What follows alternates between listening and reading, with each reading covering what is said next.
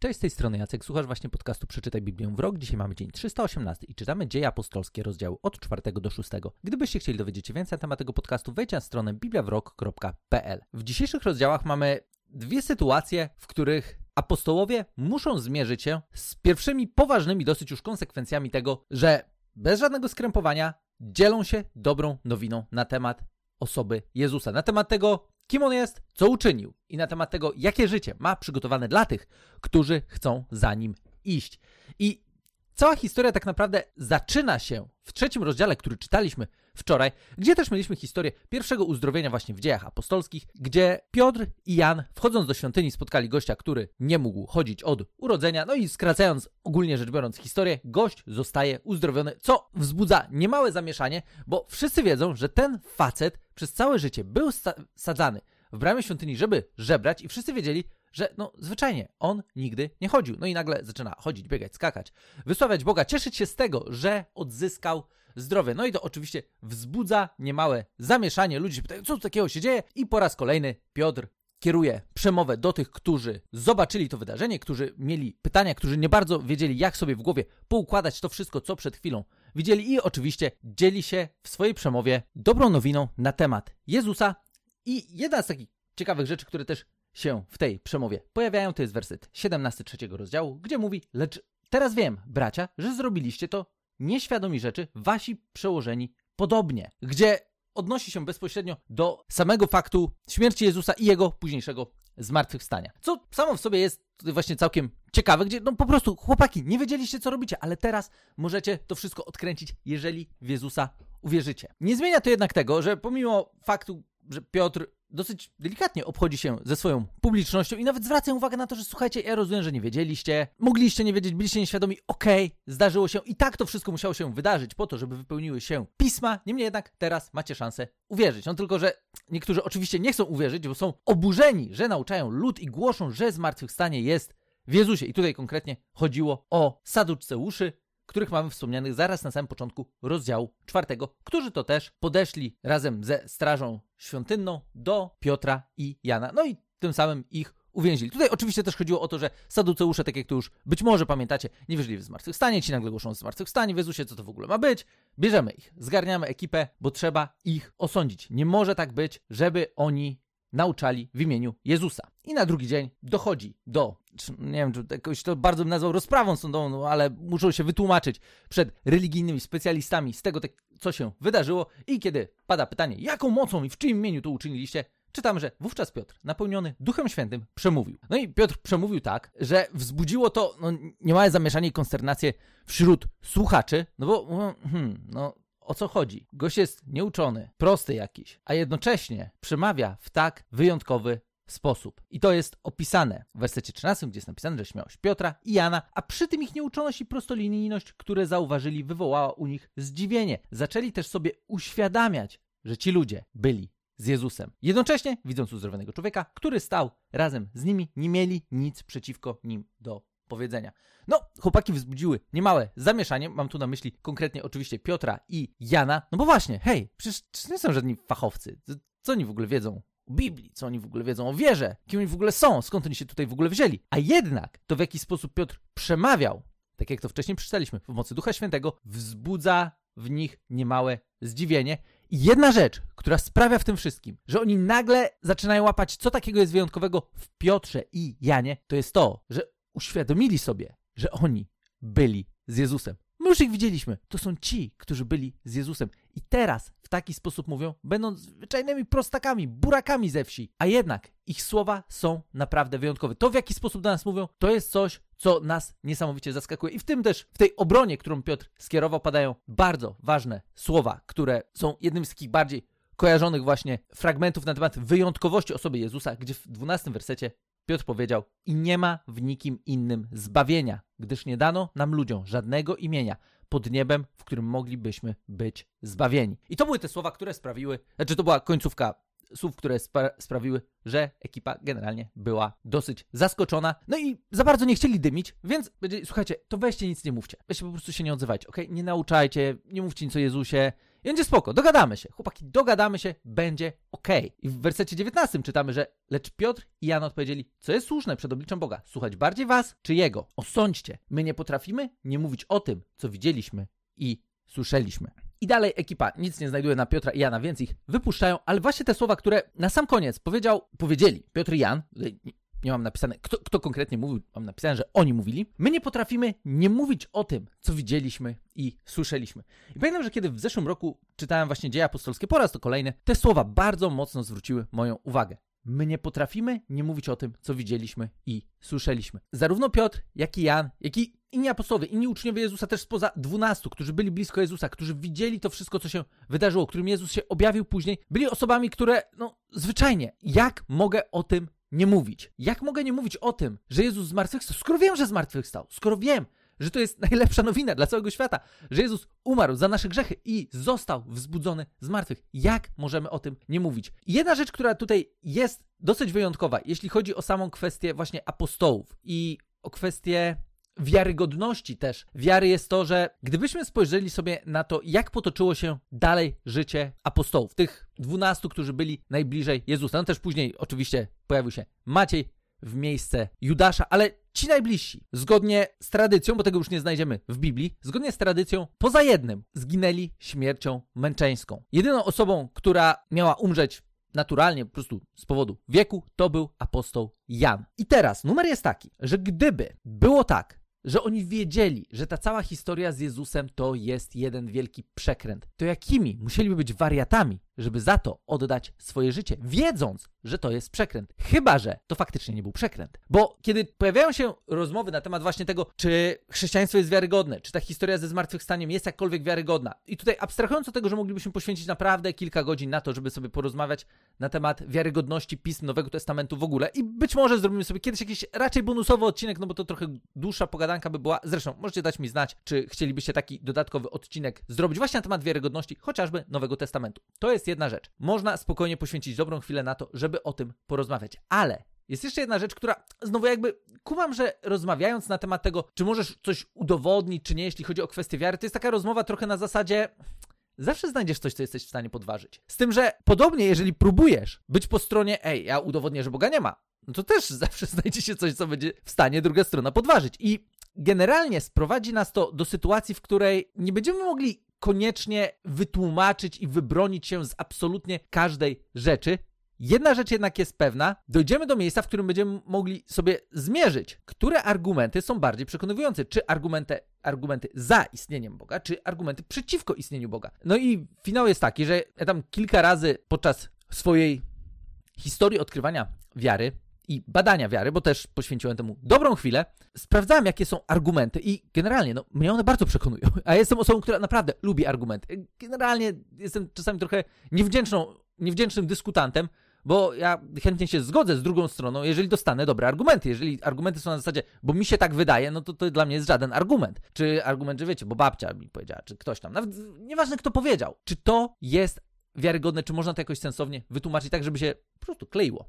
I poświęciłem czas na to, żeby zbadać temat właśnie wiarygodności chociażby chrześcijaństwa. Nie, żeby tu bardzo tego jakoś potrzebował już później, kiedy podjąłem decyzję, że chcę iść za Jezusem, ale niemniej jednak chciałem sobie trochę w głowie więcej poukładać i sprawdzić, jak ten temat w ogóle wygląda. Ilość materiału za autentycznością Nowego Testamentu, za wiarygodnością chrześcijaństwa i tak dalej, abstrahując już w ogóle od jakiegokolwiek mojego doświadczenia, to, to, to zostawiam na razie. Była naprawdę przytłaczająca. Więc często, kiedy trafiłoby nam się być w rozmowie w stylu, a udowodnij mi to, a udowodnij mi tamto, to wiecie, możemy się tak przerzucać udowodnieniami i generalnie dojdziemy do miejsca, w którym będziemy musieli zważyć, które argumenty mnie bardziej przekonują. Czy te przeciwko istnieniu Boga, czy te za istnieniem Boga, z mojego doświadczenia, z mojego badania tematu, a bardzo lubię słuchać drugiej strony, żeby zobaczyć, jakie argumenty mają. No, generalnie mnie one nie przekonywały w żaden sposób. Choć niektóre może nawet były całkiem przyzwoite. Niemniej jednak na każdą taką naszą rzecz możemy mieć jakieś ale. No i właśnie tutaj mówię o tym dlatego, że dla mnie osobiście to dosyć mocno przemawia, choć rozumiem, że można to podważyć,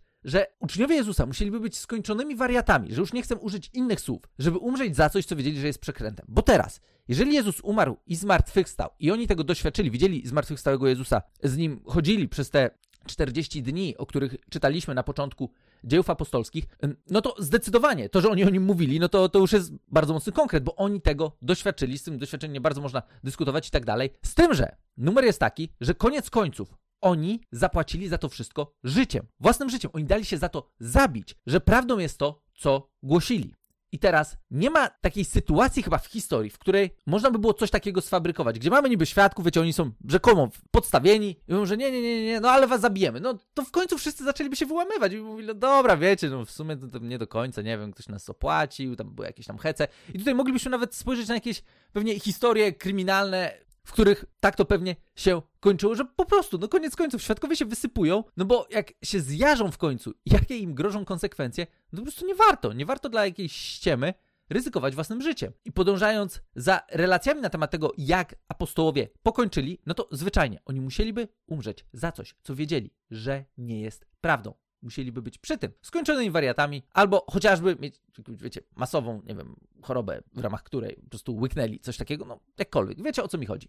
Więc to jest jedna z rzeczy, które dla mnie osobiście są dosyć mocnym tematem i one są też związane właśnie z tym, co dzisiaj Piotr i Jan mówią. My nie potrafimy nie mówić o tym, co widzieliśmy i słyszeliśmy. Czy czasami nie jest tak, że kiedy my próbujemy dzielić się naszą wiarą, kiedy próbujemy w ogóle rozmawiać o wierze, to Problemem może być to, że nasze doświadczenie jest dosyć marne. Nasze doświadczenie często niestety sprowadza się do tego, że no okej, okay, dobra, mam argumenty, mogę sobie podyskutować. I ja przed chwilą powiedziałem, ja lubię dyskutować, lubię takie, wiecie, debaty na argumenty. Problem tylko jest taki, że to wciąż są fajne dyskusje. A to, co sprawiało w ogromnej mierze, o czym czytamy właśnie w dziejach apostolskich, że chrześcijaństwo naprawdę wzbudzało ogromną powagę, to była też Boża moc, która objawiała się w życiu uczniów Jezusa. I teraz, kiedy mam takie wyjątkowe doświadczenie, no to ciężko o nim nie mówić. Ciężko nie mówić o tym, że coś wyjątkowego wydarzyło się w moim życiu. Ciężko jest udawać, że nic się nie wydarzyło, nie będę nic mówił, no bo nie wiem, jeszcze kogoś obrażę czy coś tam, wiedząc, że moje doświadczenie może dla kogoś innego być inspiracją do tego, żeby jego życie doświadczyło radykalnej, ogromnej przemiany. Piotr i Jan mówią, my nie potrafimy nie mówić o tym, co widzieliśmy i słyszeliśmy. Niestety, często doświadczenie chrześcijan jest takie,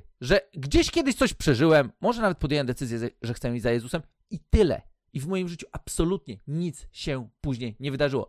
I historie, w których słyszałem, pamiętam jak kiedyś w 45, kiedy to Bóg mnie dotknął i zdecydowałem się być uczniem Jezusa, to to ble, ble. I wiecie, w 45 w ogóle, czy, czy, tak byłem, 45, ale to ogólnie chodzi, wiecie, y, kiedy się nawróciłem? No to fantastycznie, ty, ale to było 40 lat temu w ogóle, chłopie. Co od tego czasu się działo w twoim życiu? No nic. I tak, no ale jak? To jeżeli mówimy, że Bóg jest ten sam, Bóg się nie zmienia, Bóg działa z mocą, to gdzie to wszystko? I oczywiście ja też nie chciałbym być po stronie, że po prostu, wiecie, muszą się nie wiadomo jaka magia dziać w naszym życiu, żeby cokolwiek udowadniać, bo znowu, można trochę przegiąć i oczywiście są grupy, które przeginają zdecydowanie i po prostu wtedy trochę jest fabrykowane to Boże działanie w różny tam sposób, którego dzisiaj nie będziemy jakoś szczególnie omawiać. Niemniej jednak, takie realne, autentyczne, codzienne doświadczenie Boga jest czymś, co może sprawić, że zwyczajnie ktoś się zastanowi i powie, hmm, może jednak coś w tym jest. Hmm, może faktycznie Bóg mówi. Hmm, może faktycznie. I teraz Mówiąc o takich rzeczach, mam na myśli chociażby tak proste sytuacje jak mojego kumpla, którego to wspominałem już kilkukrotnie, ale znowu gdzieś wracam do swoich początków mojej drogi z Jezusem, gdzie zanim jeszcze podjąłem decyzję, pamiętam jak Michał opowiadał mi historię, gdzie po prostu miał zwyczaj, że tam chodził się modlić do kościoła i któregoś razu podchodzi do niego ksiądz i tam mówił mu, że słuchaj, tak jesteś tutaj,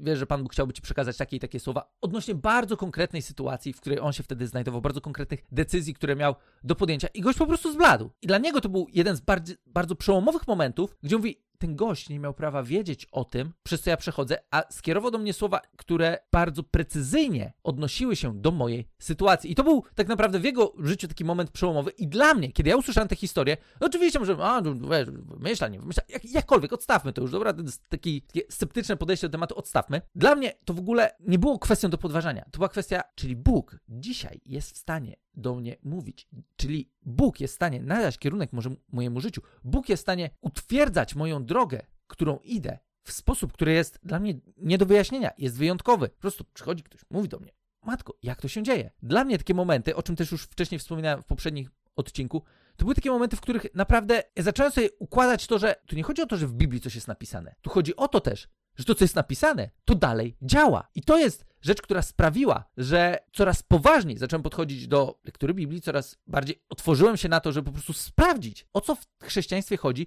bo wyglądało mi na to, że jest coś, co zwyczajnie jest rzeczywistością, której ja nie doświadczam, a która jest w zasięgu ręki. to w jaki sposób Bóg nas chce prowadzić, w jaki sposób chce działać, już zostawiając jakieś bardziej spektakularne historie może na boku, nie zmienia to jednak tego, że kiedy w naszym życiu jest realne doświadczenie osoby Jezusa, Jego działania, to dojdziemy do miejsca, w którym tak jak Piotr i Jan możemy powiedzieć, że my nie potrafimy nie mówić o tym, co widzieliśmy i słyszeliśmy. I to doprowadziło do tego, że dalej w tych rozdziałach, które mamy dzisiaj, w tej konkretnej sytuacji, uczniowie są zwolnieni, wracają do swoich i znowu mogło być tak, że wracają do swoich i mówią, słuchajcie, no nie, mieliśmy przerobany, musieliśmy się tam tłumaczyć i tak dalej. Modlić o to, że Boże, pozwól nam uniknąć takich sytuacji, uchroń nas przed prześladowaniami i tak dalej, bo popatrz, jak teraz w ogóle oni się nad nami znęcają, tutaj wiecie, gdzieś nas aresztują, przepytują, w ogóle co to ma być? Boże, zrób coś z tym. I modlitwa, którą mamy udokumentowaną po tym konkretnym wydarzeniu, kończy się takimi słowami. Modlitwa Piotra i Jana, jak również pozostałych uczniów, z którymi się spotkali po swoim aresztowaniu. A teraz, Panie, zwróć uwagę na ich groźby. Pozwól Twoim sługom głosić Twe słowo z przekonaniem i odwagą,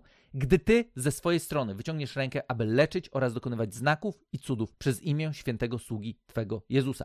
Gdy skończyli modlitwę, zatrzęsło się miejsce, na którym się zebrali. Wszyscy też zostali napełnieni Duchem Świętym, głosili Słowo Boże z przekonaniem i odwagą. I choć chciałbym przeczytać to, co jest napisane dalej, sprawdźcie sobie mistrzowski temat, mistrzowski materiał, ale znowu, no, trochę nam czas się kończy, więc zostańmy tylko przy tym, że modlitwa nie była Boże uchroń nas przed, Boże, daj nam odwagę, żeby dalej głosić Twoje słowo, żeby dalej odważnie żyć prawdą Twojego słowa, prawdą tego, co wydarzyło się w naszym życiu, co widzieliśmy i słyszeliśmy. I w odpowiedzi na to, poza tym, że zatrzęsło się miejsce, na którym się zebrali, czytamy, że wszyscy zostali napełnieni Duchem Świętym i głosili Słowo Boże z przekonaniem i odwagą. To jest to, co uczyniła osoba Ducha Świętego w ich życiu w odpowiedzi na ich modlitwę. Zostali napełnieni ponownie Duchem Świętym. Znowu to jest poza tym temat związany z tym, że nie chodzi o jednorazowe jakieś wydarzenie, tylko o ciągłe napełnianie się Duchem Świętym po to, żeby zwyczajnie mieć odwagę do tego, żeby żyć życiem, do którego Bóg nas powołał i żeby odważnie o tym życiu mówić, odważnie tego życia bronić, wiedząc, że to, co Bóg uczynił w naszym życiu, jest prawdą i ma również moc przemienić życie innych.